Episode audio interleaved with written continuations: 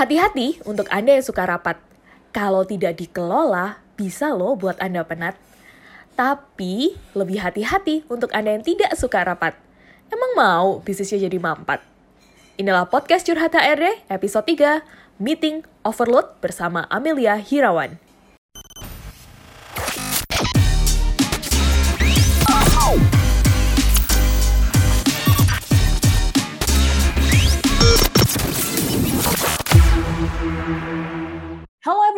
Welcome back to Curhat HRD. Semuanya apa kabar? Semoga Anda dalam keadaan tetap sehat, tetap semangat, dan mengawali tahun 2020 2022.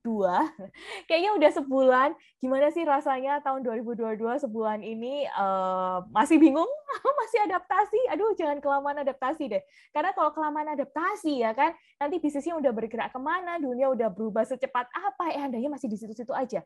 Jadi pastikan juga di Januari 2022 Anda sudah punya satu pembelajaran penting tentang bisnis Anda, tentang perusahaan Anda. Karena kalau ngomongin soal belajar, jangan khawatir. Di podcast Curhat HRD selalu menemani teman-teman semua. Seperti biasa di podcast Curhat HRD masih bersama saya Marcel, kita akan membahas tentang pengelolaan SDM. Di mana di pengelolaan SDM ini juga di podcast ini Anda bisa curhat-curhat, bisa menceritakan masalah-masalah Anda terkait dengan uh, pengelolaan SDM itu sendiri. Dan kebetulan di bulan Februari ini kami sedang mengangkat tema tentang meeting gitu.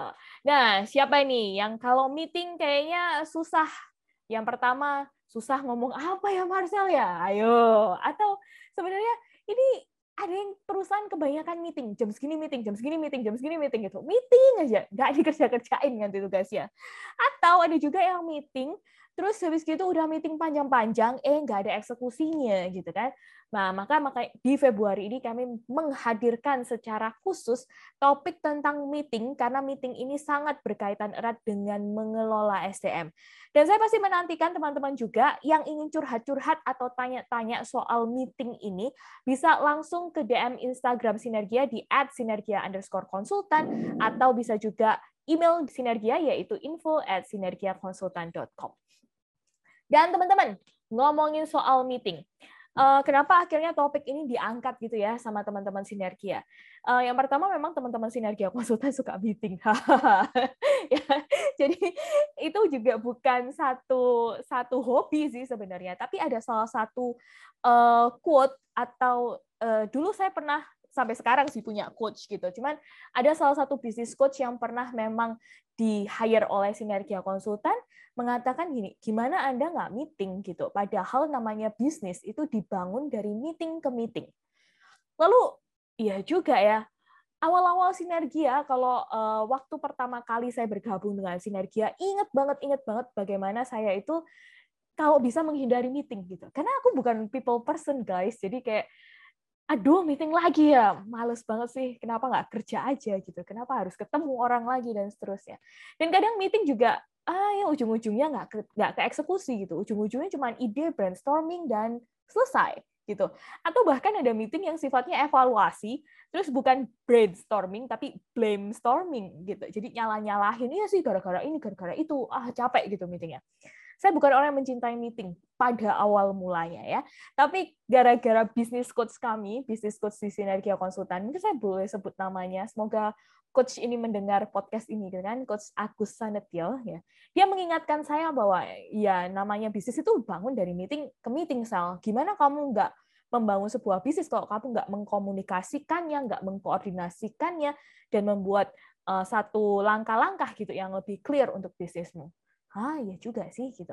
Makanya kenapa terus di Sinergia akhirnya muncul ada beberapa meeting seperti monthly meeting, ada bi-weekly meeting, ada weekly meeting juga. Kalau monthly meeting itu all leaders, eh, lalu kalau eh, weekly meeting itu biasanya mereka yang per departemen, sales marketing. Ada juga yang sampai mungkin nggak weekly meeting gitu, tapi ada juga sampai briefing tiap hari gitu karena mereka punya target-target khusus. Nah, makanya kenapa uh, topik meeting ini sangat-sangat ingin kami angkat di bulan Februari Februari ini dan sebenarnya ngomongin soal meeting juga nanti ada banyak jenisnya yang akan kita bahas di episode yang berbeda. Tapi kali ini gitu kan, uh, saya yakin Anda kangen dengan suara ini karena suara ini udah lama banget nggak ngobrol di podcast curhat HRD gitu. At least di tahun yang baru Anda belum dengar nih suara ini ya kan. Dan ini adalah kecintaan sinergia ya iya dong kalau nggak ada ibu satu ini nggak ada sinergia bener nggak sih? gitu. Aku langsung nyapa aja ya. Halo Bu Amel. Halo, halo, halo Marcel. Halo teman-teman juga yang ada di Curhat HRD. Ya. Kapan ya Ibu? punya hmm? ini ya? Kapan Apa punya itu? sesi curhat Amelia gitu ya? Maksudnya aku oh, yang curhat. Ya, bisa bisa. Karena kali ini memang saya hmm. uh, ganti ya, hmm. bukan curhat hmm. HRD judulnya tapi curhat Amelia. Karena nanti mau ngorek-ngorek ya, kan meeting-meeting ibu yang terakhir ini. Gitu. aku ya. khusus, ada sesi khusus gitu. Oke oke. Bu Amel lagi sibuk yes. apa nih? Uh, pastinya nggak lagi meeting aku.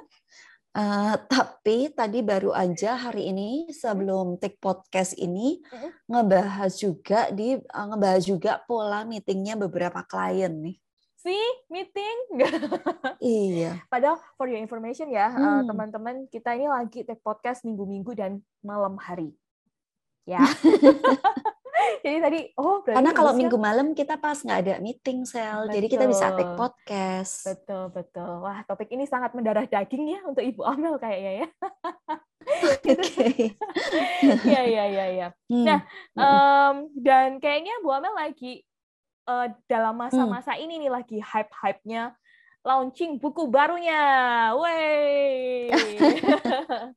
Congrats. Bukunya boleh Bu dibocorin dikit bukunya Bocorin dikit ya. Ke, topiknya. Oke. Okay. Uh, eh, bukunya judulnya The Coaching Journey. Jadi itu sebenarnya buku perjalanannya aku uh, karena saya sebenarnya belajar coaching itu juga bukan dari satu coaching school tertentu gitu ya. Hmm. Tapi saya memahami tentang coaching itu gara-gara saya jadi coach eh, jadi coach. Coach, coach jadi coach. Ya? Hmm.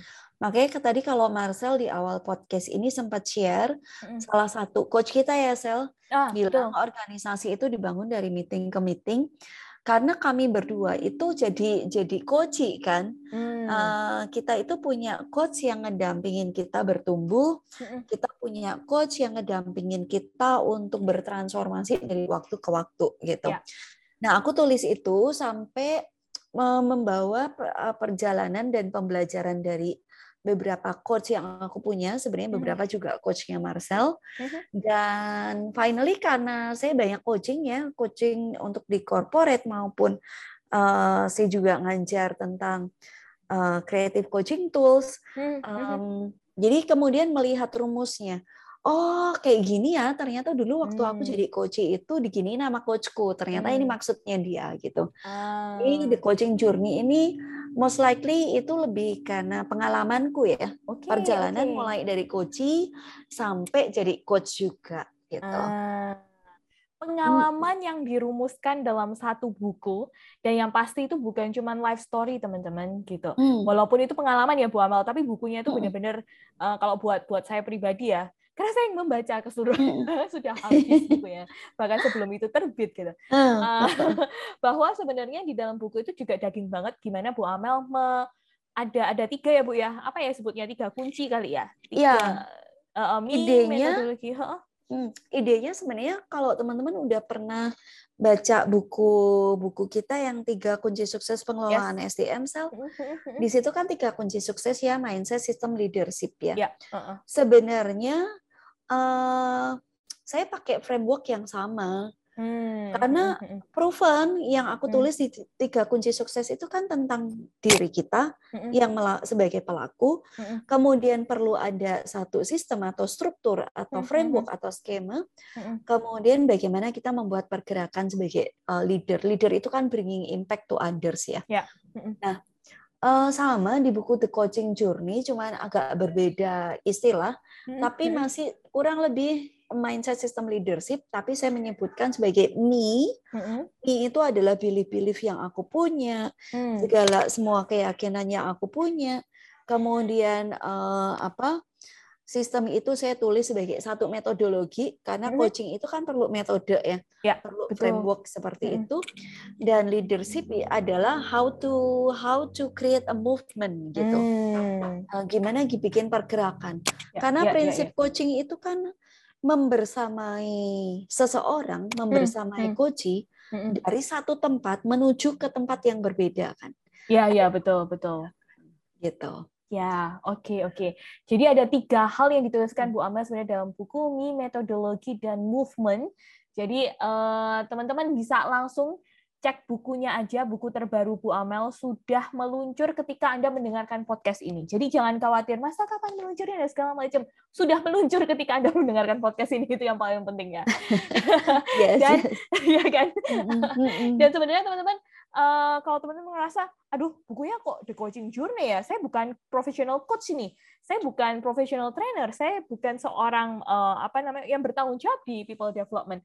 Bukan itu teman-teman. Jadi uh, prinsipnya adalah, apalagi kalau anda di organisasi, selama anda itu adalah business owner, selama anda itu adalah professional leader dan anda human capital, padahal wajib banget, anda perlu menguasai ilmu coaching, gitu.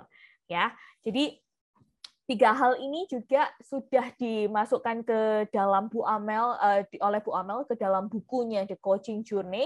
Jadi kalau Anda business owner, human capital practitioner dan professional leader juga tetap bisa membaca buku ini. Ini bukan cuma soal life coaching tapi Bu Amel banyak memberi contoh juga di organizational coaching yang mana sebenarnya ya sehari-hari itu yang dilakukan Bu Amel soalnya. banyak keluar masuk perusahaan untuk melakukan organizational coaching. Oke, okay, so itu bukunya bisa cek langsung yes. di Instagram Sinergia Konsultan. Nah, kita atau jadi ngomongin buku ya. Buku, makanya langsung aja deh langsung uh, cek-cek di Instagram Sinergia atau di www.sinergiakonsultan.com slash buku coaching journey ya. Nanti bisa cek lebih banyak di sana. Nah, maka kita akan masuk teman-teman di soal meeting. Walaupun coaching itu juga sebuah meeting gitu kan kadang-kadang. Kadang-kadang kita memang perlu mengeluangkan satu waktu untuk melakukan coaching dan ya itu meeting meeting itu kan kalau bahasa Indonesia pertemuan ya Bu ya, gitu. Dan saya merasa yes. bahwa uh, Bu Amel ini adalah orang yang hobi banget melakukan ketemu pertemuan, orang. melakukan pertemuan ketemu orang lain. Uh, saya masih ingat banget mm. Bu Amel uh, berapa tahun yang lalu ya. Mm-hmm. Ya pasti saya masih muda lah itu ketika masih di awal-awal mungkin 2013, 2014 gitu. Oke. Okay. Uh, waktu itu Bu Amel kalau ya saya ini yang sering ikut Bu Amal ke mana-mana waktu meeting hmm. teman-teman gitu meeting sama perusahaan A B C D multinational company uh, hmm. saya heran ya kan inti inti pokoknya kadang itu cuma ngomongnya cuma 10 menit gitu ya Bu 10 menit 15 menit tapi kita yeah. bisa meeting itu satu jam atau satu setengah jam bahkan dua jam ya hmm. lalu hmm. pada satu kesempatan uh, Bu Amel tidak bisa ikut meeting akhirnya saya berangkat sendiri dan saya 30 menit selesai ya saya happy dong bisa mempersingkat waktu itu happy gitu. harusnya so. happy kan nah mm. uh, terus mm. Bu bilang gitu bingung tempatnya mungkin ya hah mm selesai gitu loh emang harus ngomong apa lagi itu bu gitu nah okay. di satu sisi mm. saya merasa saya nggak kepingin overload ya saat meeting mm -mm. gitu mm -mm. Uh, tapi saya melihat juga nggak ada nggak uh, ada yang salah dengan Bu Amel juga melakukan uh, atau apa ya atau punya mm -hmm. waktu yang banyak menginvestasikan mm. waktu itu untuk melakukan meeting gitu. Ya. Nah, uh, apa ya sebenarnya definisi dari meeting overload itu sendiri? Oke. Okay. Sebenarnya macam-macam ya kriterianya mm. bisa overload itu gini. Aku ambil contoh yang common sekarang mm. di momen pandemi. Mm. Ya. Siapa yang lari dari meeting ke meetingnya itu jedanya cuma di bawah lima menit. mm. Kalau dulu itu kan kita mau meeting itu kita pindah tempat ya, Sel. Betul, betul. Nah, kalau sekarang itu wah, aku sendiri sebenarnya juga sombong banget sih. Hmm, Karena hmm, aku hmm. merasa bisa punya banyak meeting, terus meeting itu cuma pindah kurang dari lima menit karena cuman klik close Zoom hmm. dan open Zoom. Hmm. Uh, padahal itu bukan cara yang tepat lah ya, hmm. bukan cara yang ideal untuk meeting. Bayangin, hmm. siapa yang punya lima meeting atau lebih dari tujuh meeting dalam satu hari? Gitu. Hmm. Saya gitu. Nah, kan itu katakanlah secara frekuensi. Hmm. Meeting overload selain dari waktu itu bisa juga atas uh, pokok bahasan yang ada di meeting. Hmm. Ya, siapa yang meeting itu bisa lebih let's say gini deh, monthly meeting ya. Mm-hmm. Monthly meeting itu kan ada pasti kepala-kepala departemen yang akan presentasi ya reportnya. Mm-hmm. Siapa yang sampai lebih dari 10 departemen gitu kan mm. presentasi. Bukan soal panjang atau pendeknya di presentasi sih, tapi itemnya berapa banyak agenda yang dibahas dalam meeting itu. Hmm. Kalau itu kebanyakan, sebenarnya kita juga bisa bilang itu meeting overload. Ya. Hmm, oke okay, oke. Okay. Nah, um, itu dari sisi waktu, dari hmm. sisi uh, topik, terus bisa jadi gini juga. Uh, Nah, ini kaitannya sebenarnya sama struktur organisasi ya, teman-teman ya. Hmm, Contoh aja sih, saya punya satu klien gini, Sal. Okay. Si bapak ini dia business owner. Dia masih dia direktur karena dia family business ya. Mm. Dia bilang ke saya, Bu Amel, waktu saya itu habis. Saya ngikutin caranya Bu Amel meeting, tapi mm-hmm. kayak saya itu nggak pernah stop meeting sekarang. Oh, apa yang terjadi, mm. Pak? Akhirnya saya saya bedah dan saya tulis gitu. Mm. Oh, dia itu monthly meeting, Terus dia ikut weekly meeting semua departemen yang dia punya. Oh. Jadi dalam satu hari dia oh. ikut meetingnya meetingnya finance, dia ikut uh -huh. meetingnya HRD, dia uh -huh. ikut meetingnya gudang, uh -huh. ikut meetingnya operation. Terus saya bilang, waduh kalau kayak gitu sih juga bisa gila pak, gitu. Iya iya, benar benar. Kita ini bukan ekspertis yang bisa mengelola semuanya ya. -huh. Nah ini erat kaitannya nanti sama struktur organisasi, sel. Oke. Okay. Ya, katakanlah misalnya uh, simple aja. Hmm. Kalau seorang direktur itu handle semua departemen, itu bahaya hmm. juga. Hmm. Dan di situlah sebenarnya kesempatan kita untuk katakanlah punya dua GM misalnya di bawah ya. si direktur. Hmm. Satu GM support, satu GM operasional misalnya. Hmm. Maka divisi-divisi yang terkait sama operasional, ya meetingnya sama GM operasional ya. Operasional betul. Oh, terus kayak finance, HRD mungkin, hmm. GE mungkin meetingnya sama GM support hmm. gitu. Hmm. Nah akhirnya si direktur ini idealnya kan dia meeting sama dua orang doang. GM satu aja. sama GM, betul. Oh, sama GM support, satu GM operasional. Betul. Dia nggak akan overload karena ya. itemnya ya. udah kebanyakan perusahaannya hmm. berkembang. Hmm. Jadi bisa jadi uh, review dari struktur meeting Anda, jangan-jangan Anda nggak punya pola meeting. Hmm. Uh, semua meeting diikutin kayak gitu. Ya, Belum ya, lagi ya. meeting yang di luar ya, meeting hmm. RT, meeting panitia vaksin, gitu kan? Iya, iya. Karena biasanya sih tidak menutup kemungkinan memang hmm. uh, business owner itu kadang aktif ya anaknya gitu. Mm-mm. Jadi Makanya. ada ada organisasi-organisasi lain yang diikuti atau komunitas lain yang diikuti. Oke oke oke. Nah, Uh, Bu Amel ini kan mm. menarik ya. Memang kita Mm-mm. akhirnya punya batas untuk Mm-mm. memilih juga ya mana meeting yang bisa mm. kita ikuti dan mana meeting yang kita juga uh, percayakan kepada tim kita sehingga tim kita Mm-mm. juga bisa mengelola itu gitu. Mm-mm. Ada nggak sih Bu ukuran idealnya gitu? Kira-kira hmm. uh, saya bisa ikut meeting itu berapa departemen sih? Atau misalnya uh, okay. atau dari sisi jam ya? Nah, uh -uh. sehingga kita nggak terlalu overload gitu. Oke. Okay. Uh, sebenarnya salah satu rumusnya, ya. teman-teman bisa bisa ini ya tahu rule of seven gitu ya, hmm. rule of seven nih, gitu.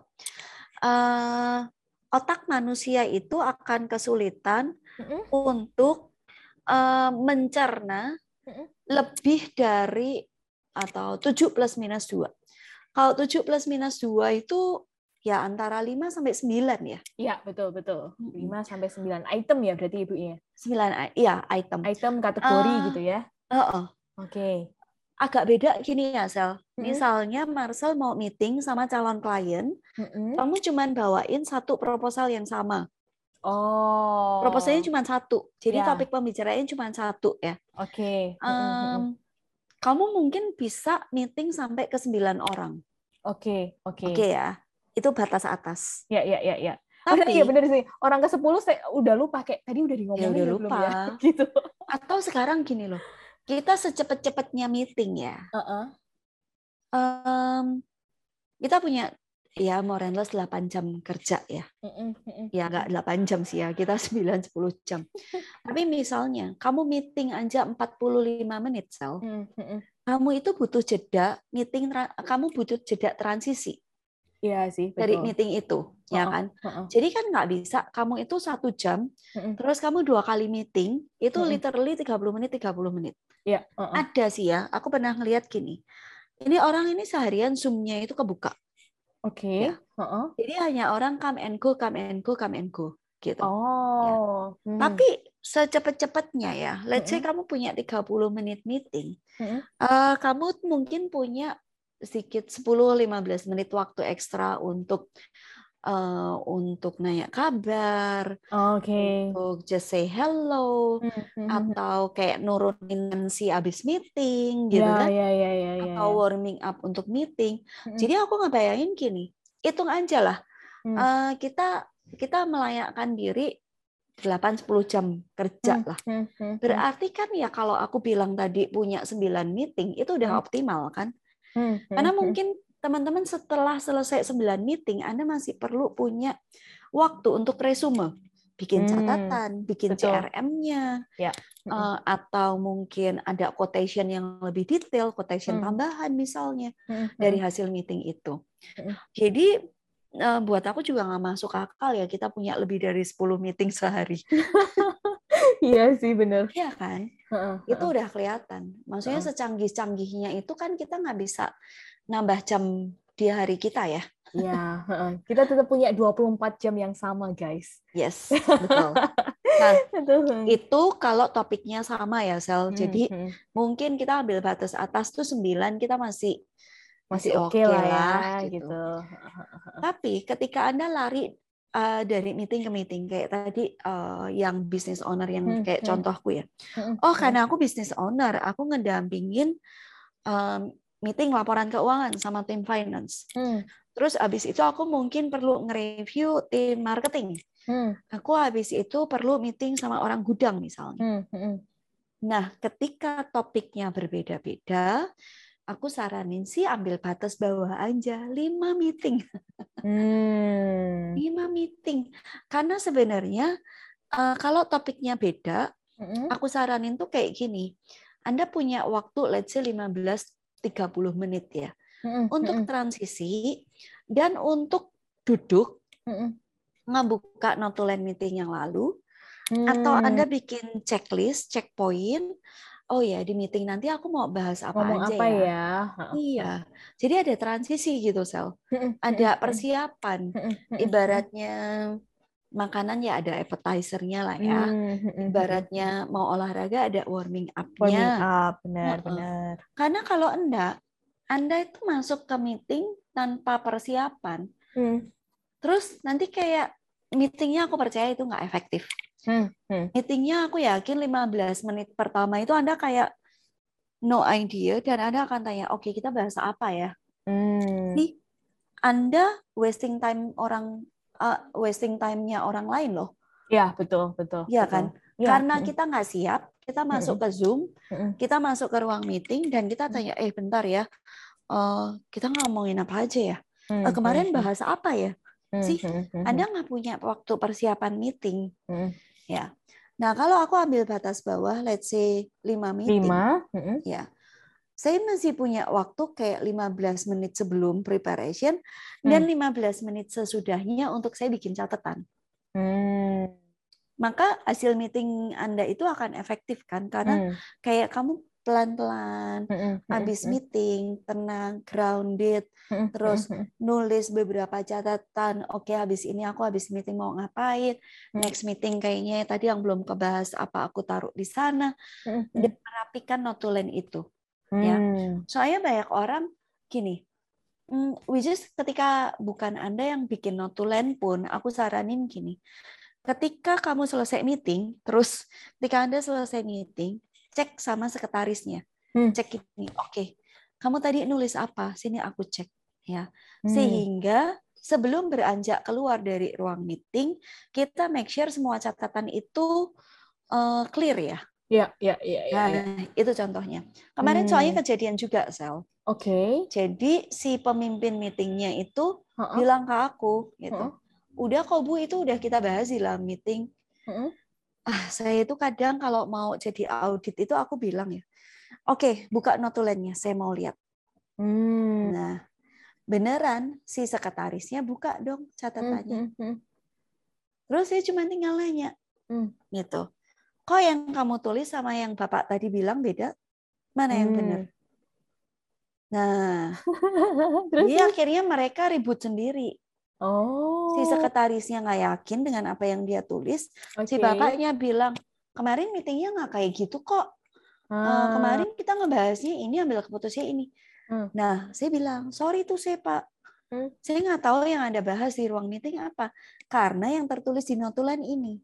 Hmm. Jadi buktinya kan ada yang yang ada di notulen toh. Iya, gitu. betul, betul, betul. Nah, menurut aku itu hanya sekedar habis meeting si bapak yang mimpin rapat ini dia nggak duduk nggak cek si sekretaris ini nulis apa Ya, ya, ya, ya, betul, betul. Nah, nah itu pentingnya ada jeda ya dari ya. meeting ke meeting itu ada jeda. Jadi tadi kok di Marsal nanya berapa meeting yang seharusnya kita punya atau idealnya, kalau lompat-lompat, lompat-lompat ya lima gitu ya. Kalau anda canggih banget, anda keren banget, ya sampai tujuh lah. Tapi kalau topiknya sama, It's okay lah Anda ambil batas atas kan cuma ya let's say bukan cuman ya. Hmm? Itu kan ganti orang, tapi hmm. isi kepala kita itu sama. Gitu. Sama, gitu. Hmm. nggak terlalu gimana-gimana gitu kan ya, nggak terlalu jumping lah ya. Ini isinya iya kontennya. Iya sih. Okay, Kalau okay, Anda okay. mau ngebayangin jumping itu kayak atlet triathlon gitu kali ya. Iya benar-benar benar. Bentar basah, terus harus kering, basah angin gitu. iya kalau kita yang ngelakuin masuk angin makanya perlu latihan mm-hmm. juga kalau bisa kalau ngakuin itu mm-hmm. gitu nah uh, Bu Amel ini ada kalau tadi kan soal banyaknya meetingnya kalau dari sisi waktunya ada nggak ya uh, kira-kira mm. berapa jam sih orang itu bertahan di meeting karena pernah aku pernah ngalami ya kan mm-hmm. meeting itu kalau buat buat aku pribadi nih dua jam itu udah cukup gitu udah mm-hmm. jam mm-hmm. masuk ke jam yang ketiga wah ini udah konsentrasinya mulai menurun nih, mulai lapar hmm. gitu kan. kurang minum air misalnya dan seterusnya. Ada nggak sih hmm. idealnya kalau kita ngelakuin meeting itu at least berapa jam atau bisa dijeda uh, berapa jam sekali misalnya? Hmm, uh, gini, hmm. karena memang balik lagi ke tujuan meetingnya ya. Oke. Okay. Kan teman-teman pasti ngalamin juga meeting yang durasinya panjang ya, kayak hmm. raker. Ah iya betul betul. Nah raker itu nggak cuma satu jam ya? Iya sih betul. betul. itu bisa dua hari tiga dua hari, hari tergantung skala bisnis Anda, hmm, hmm, hmm. tergantung kompleksitas bisnisnya ya. Um, tapi ada meeting-meeting bulanan, meeting koordinasi, briefing. Nah, itu yang di situ kita bisa sesuaikan gitu. Hmm. Nah, uh, contoh ya sel gini. Hmm. Kalau briefing uh, briefing itu ya jangan lebih dari 30 menit ya kalau aku bilang bahkan jangan lebih dari 15 20 menit. Oke. Okay. Namanya juga brief ya. Brief, benar, benar. Oh, oh briefing, brief gitu. Hmm, hmm, hmm, Weekly meeting oke, okay. karena hmm. week, kalau briefing itu kan biasanya daily ya. Bahkan di pergantian shift aja ada ada briefing uh, lagi. Briefing. Uh -uh, betul betul. Tapi kalau weekly meeting tuh kita lihat ada hal yang kita lakukan selama satu minggu yang kemudian di wrap up dalam weekly meeting. Hmm, hmm, hmm. Jadi oke okay lah itu sedikit lebih panjang. Hmm, hmm, Monthly meeting pasti lebih panjang lagi karena lebih kompleks. Hmm. Ya, quarterly meeting itu bisa aja lebih panjang. Cuman uh, gini, aku lebih mungkin lebih saja bukan soal panjangnya ya. Bukan durasinya Pan ya, Bu ya. Bukan durasi panjangnya, okay. walaupun itu tetap jadi perhatian Anda. Hmm. Tapi sebenarnya uh, cangkingnya hmm. seberapa per chapter gitu ya. Hmm. Anda perlu meeting ya mungkin ya inilah ya nanti G20 gitu kan. Hmm, hmm, hmm, Itulah yang nggak meeting sehari ya. mereka duduk seharian ya atau mereka beraktivitas seharian tapi iya. dipecah-pecah gitu kan ya. Bener dipecah-pecah. Itu kan hmm. bisa karena yang ngomongin diomongin tuh skala negara. Jadi ya. aku nggak tahu sih berapa tapi bisa aja sampai seminggu gitu kali ya. Uh, tapi chungkingnya itu akan jadi menarik gini. ada yang nggak cangking gitu sel hmm. ada yang orang yang endurance-nya itu panjang banget hmm. terus kayak meeting itu tiga jam nonstop gitu kan ah benar-benar nah oh, itu kan lelah ya Ya, ya, Bayangin betul. aja, kita itu anak sekolah aja, anak sekolah aja per mata pelajaran cuma 45 menit. Mm -mm, Dua Terus, mata pelajaran kita jam istirahat. Iya, yeah. paling banter Hmm. Uh, pokoknya kita itu sebenarnya nggak usah canggih-canggih banget sih sel mikirin okay. konsep gini ya. Hmm. Based on apa yang udah pernah kita jalanin aja. Hmm. Itu aku sih nggak mau teori yang heboh-heboh di podcast ya, hmm. berat banget gitu. Tapi misalnya gini, teman-teman dulu pernah kuliah gitu.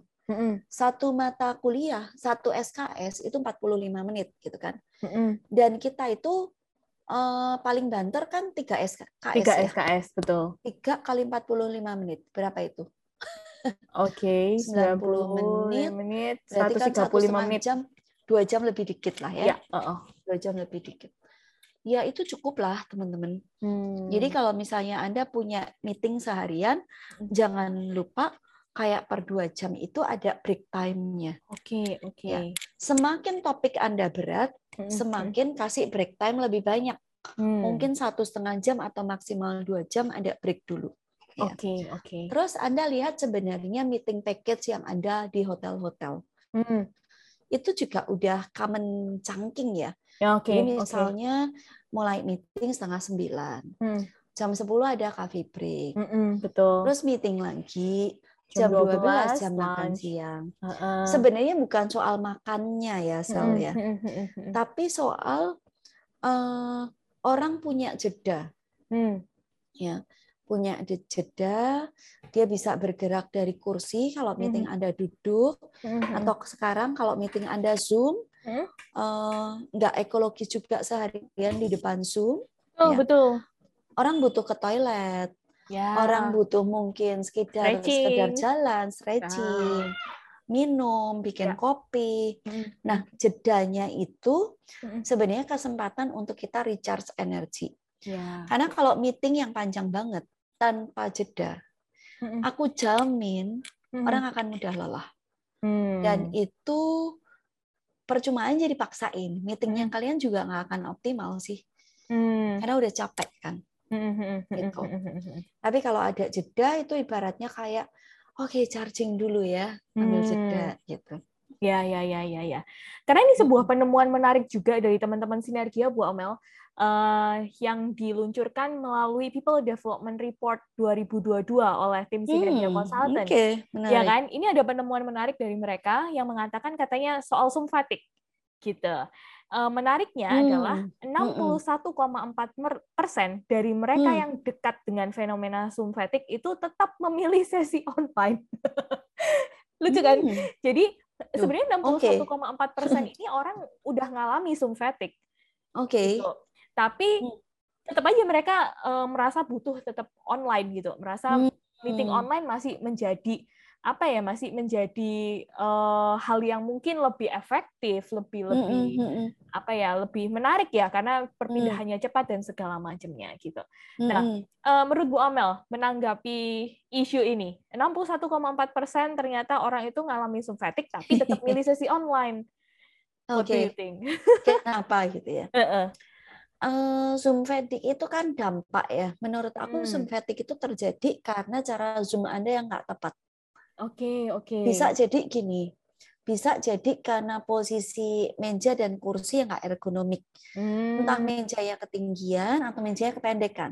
Okay. Sehingga uh -uh. jarak pandang Anda ke kamera uh -uh. itu membuat postur tubuh yang nggak bagus. Oke. Okay. Ya, tubuh itu terlalu menunduk atau mm -hmm. kepala terlalu menengadah. Mm -hmm. Nah, atau misalnya Anda Zoom, Anda duduk di sofa duduk di sofa tahu kan sel mm -hmm. pasti kan lebih bungkuk gitu ya, kan betul, ya betul terus mungkin anda juga laptop di pangku oh. nah itu kan tidak dalam posisi anda tegak ya nah itu juga bisa itu kontribut dalam Zoom fatigue. Hmm. Jadi bukan hanya soal lamanya ya.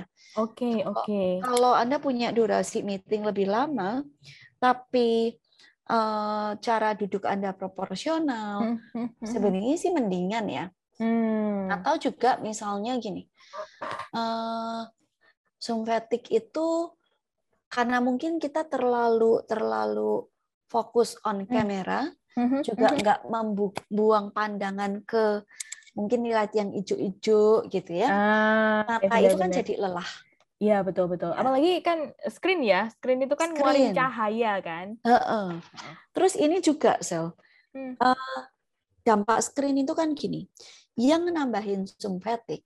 Hmm. Sebenarnya kan gini ya, kalau misalnya aku cuman fokus on zoom aja, hmm. hmm. mestinya nggak terlalu lelah gimana. Hmm. Tapi kemudian yang menjadikan kita tertrigger lebih cepat zoom fatigue adalah hmm. gini, hmm. karena anda zoom, hmm. terus anda nyambi whatsappan yang mana WhatsApp itu ada di screen Anda juga. Betul, betul Anda banget. Split screen. Ya. Nah, otomatis ketika Anda punya dua fokus, hmm, hmm, hmm, energi yang keluarin lebih banyak enggak? Benar, ya. lebih banyak. Telinga itu ngedengerin Zoom. Ya. Tapi mata itu ngelihat yang lain. Betul, betul, betul. Nah, tambah fatigue kan. Butuh double, Jadi, double aku sebenarnya juga kasihan Zoom-nya sih ya. Semoga yang punya Zoom dengerin ini. Aku kasihan Zoom-nya tuh gini Oke. Okay. Yang disalahin jangan cuma zoom-nya gitu loh. Oke. Okay. Ya, masalahnya ketika kalian zoom, ketika teman-teman uh -uh. zoom, uh -uh. gimana nggak fatigue? Orang Anda yang memutuskan double zoom sampai dua hmm. sampai tiga, hmm. iya pasti fatigue lah. Ya, gitu. Ya, ya, ya. Tapi kalau Anda cuma satu, fokus, uh -uh. Uh -uh. aku kira nggak yang fatigue gimana ya? Hmm. nggak yang sampai fatigue gimana lah. Tapi yang jadi Zoom fatigue itu uh, satu meeting kantor, satu lagi mungkin meeting community, satu lagi ikut seminar gitu. Ayo, itu. siapa ini? iya. Itu udah pasti fatigue lah. Oke, okay, oke. Okay. Iya kan? Iya, bener banget sih, Bu. Jadi coba dilihat nggak cuman sekedar oh Zoom fatigue nih gitu ya. Hmm. Tapi kita juga terbantu karena aku sendiri terus terang juga terbantu sama Zoom ya. Ya betul. Hemat waktu transport, terus um, karena ada batasan waktu, bukan batasan waktu ya. Kalau di Zoom itu kan kita relatif kita nggak kepingin lama-lama. Ya. Bahasa basinya itu nggak terlalu banyak. Ya betul betul. Mau minum ya minum aja gitu. Tapi kalau meeting face to face mau minum itu coffee break aja jedanya 15 30 menit. Betul. Nungguin. Ya. Terus ngantri kan. Ya, Kalau betul. misalnya mau makan ngantri kan, ambil makan. Kalau makan di rumah sendiri-sendiri kan nggak pakai berantem ngantri. Betul. Toilet juga nggak ngantri, Bu. Toilet juga ngantri. gitu. Jadi itu lebih lebih memang menghemat waktu iya. Oke, okay, oke. Okay. Eh, sehingga mungkin kalau meeting-meeting yang tatarannya uh, koordinasi nggak hmm. terlalu nggak terlalu berat topiknya sih online aku pikir hmm. masih relevan ya. Oke oke oke. Ini menarik teman-teman karena tadi kalau saya mencatat ya Bu Amel uh, bilang bahwa sebenarnya terkait hmm. dengan durasi meeting, ya itu tergantung lagi ya apa jenis meetingnya. Dan sebenarnya ngomongin jenis-jenis meeting ini yang akan kita bahas di episode kedua uh, terkait dengan meeting di podcast Curhat HRD. Dan juga Bu Amal bilang uh, ngomongin yang waktu yang overload atau misalnya meetingnya overload. Nah ini coba dicek apakah kita juga sebenarnya punya waktu untuk melihat kembali. Hmm. Tadi meeting ngomong apa sih? Tadi catatannya apa sih? Hmm. Dan itu Bu kita juga akan segera uh, podcast bersama sang ahlinya. Yang mana ini teman dekatnya ibu banget, teman dekat kita. Dan kalau ngomongin soal meeting bapak satu ini ya ampun ya bu ya kita belajar banyak dari Iyo. bapak satu ini jadi makanya teman-teman perlu uh, dengerin terus podcast curhat HRD perlu stay tune dulu terus di Spotify, di Apple Podcast ataupun di Google Podcast untuk dengerin episode-episode di bulan Februari. Hmm. Dan kalau Anda yes. punya masalah misalnya terkait dengan uh, meeting anda bisa juga curhat melalui DM Instagram kami di @sinergia underscore konsultan atau email kami di info at sinergiakonsultan.com. Nah, uh, kalau tadi Bu Amel saya juga sempat sebutin di People Development Trendnya Sinergia ya tahun 2022. Sebenarnya juga teman-teman uh, ketika dengerin podcast Curhat HRD ini report itu juga sudah meluncur dan teman-teman bisa searching langsung di webnya Sinergia www.sinergiakonsultan.com. Yang mana sebenarnya kita nggak cuma ngomongin uh, Sumvetic aja atau sebenarnya uh, di area people development ini orang-orang lebih suka apa sih online atau offline nggak? Tapi lebih dari itu, ada learning trendnya juga gitu. Ada topik-topiknya Bu Amel, mana yang lebih disukai nih sama okay. masyarakat Indonesia? Dan ternyata atau yang jadi masalah banyak orang gitu ya. Betul, betul yang jadi masalah banyak orang juga di sini dan ternyata tim Sinergia juga menemukan hal yang sangat penting untuk Indonesia. Apa itu?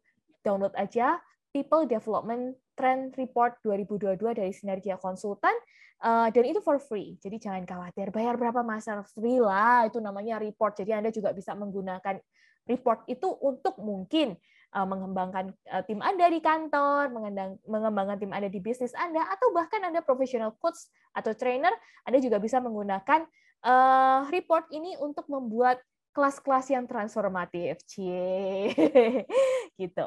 Dan Bu Amel kayaknya kita juga hmm. udah ya ampun udah mm -mm. 40 menit loh ngomong kayak gini aja gitu sih ya. gini cepet ya nggak kerasa mm -mm.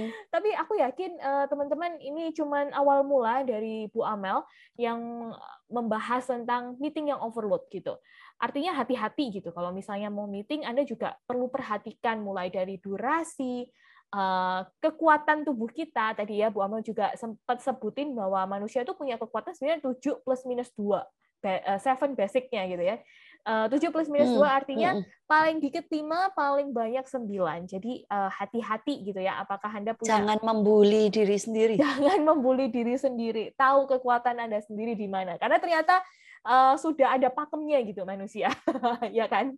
Jangan nggak usah sok-sok uh, percaya diri saya bisa gitu. Tapi ya kita bisa overload juga gitu. Dan Teknis-teknis lainnya teman-teman akan tetap dapat di HCA Online Mentoring Program karena selama bulan Februari ini eh, topik kita adalah tentang meeting, ada live online training juga yang ngomongin soal strategi meeting, bagaimana mengeksekusi meeting juga akan dibahas di artikel-artikel dan juga podcast dari Sinergia Konsultan. Jadi terus pantengin Sinergia Konsultan karena Anda akan banyak-banyak mendapat manfaat dan belajar soal meeting di bulan ini gitu. Bu Amel, sebelum kita tutup uh, podcast curhat HRD hari ini, uh, mungkin yes. Bu Amel ada take away sedikit terkait nah, dengan meeting yang overload. Oke, okay.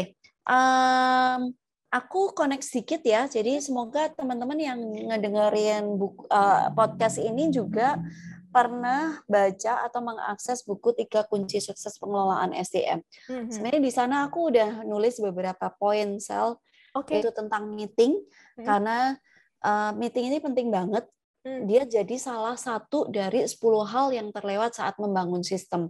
Hmm. Jadi kalau takeaway-nya di di di podcast ini ya aku mau connect ke situ. Hmm. Artinya ketika Anda menilai sistem pengelolaan SDM, hmm. sistem manajemen Anda di di perusahaan Anda itu masih belum optimal, hmm. masih belum sesuai dengan seperti yang Anda harapkan.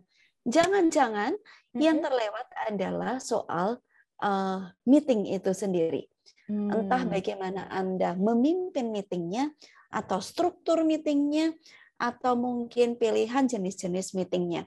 So that's why teman-teman kalau misalnya kepingin kepingin tahu lebih banyak, itu aku tulis ada di halaman 59 sel. 59 buku tiga kunci sukses. Karena di sebelah saya juga ada buku tiga kunci ada sukses. Ya? Iya, saya juga memastikan kebenarannya.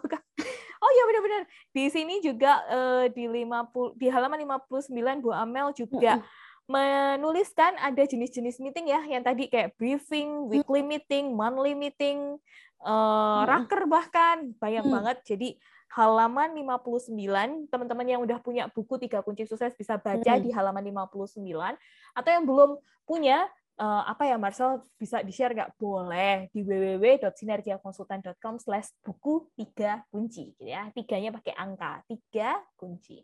Nah, di situ teman-teman juga bisa mendapatkan buku tiga kunci sukses. Gitu Bu Amel. Yes, thank you. Ya, yeah, thank you, thank you. Kalau dari saya take away-nya begini uh, tidak ada meeting yang sebenarnya itu overload kalau buat saya. Yang penting semua itu ada di porsinya sesuai dengan yang ingin Anda bicarakan dan sesuai dengan kekuatan Anda masing-masing yang menjalankan gitu. Karena hmm. uh, sebenarnya meeting yang overload itu artinya mungkin Anda tidak merencanakannya dengan cukup strategik gitu. Jadi kalau mau tanya gimana caranya meeting yang strategik, yuk dengerin lagi podcast curhat HRD lainnya dan juga live online training dari Sinergia Konsultan.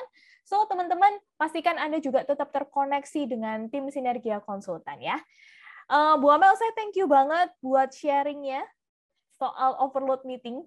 Thank you juga diajakin sharing lagi. Semoga ya yang ngedengerin nggak bosen. Enggak lah, nggak bosen kalau sama Bu Amel. Apalagi walaupun saya melihat, kalau saya jadi Bu Amel ya teman-teman, saya udah ngerasa kayak saya uh, meeting overload gitu. Ya banyak banget meeting yang dijalani sama Bu Amel. Tapi iya juga ya sih ya, kalau saya ngelihat kalendernya hmm. Bu Amel, nggak lebih loh dari tujuh.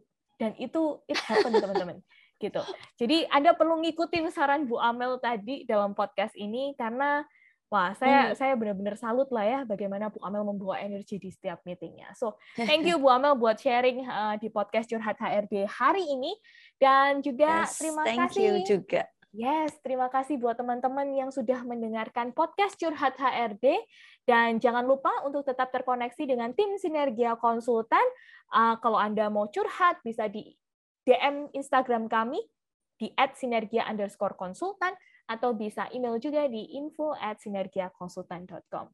So teman-teman semuanya, thank you sekali lagi dan stay safe, stay productive, and let's grow. Thank you Bu Amel, bye-bye. Thank you, bye semuanya.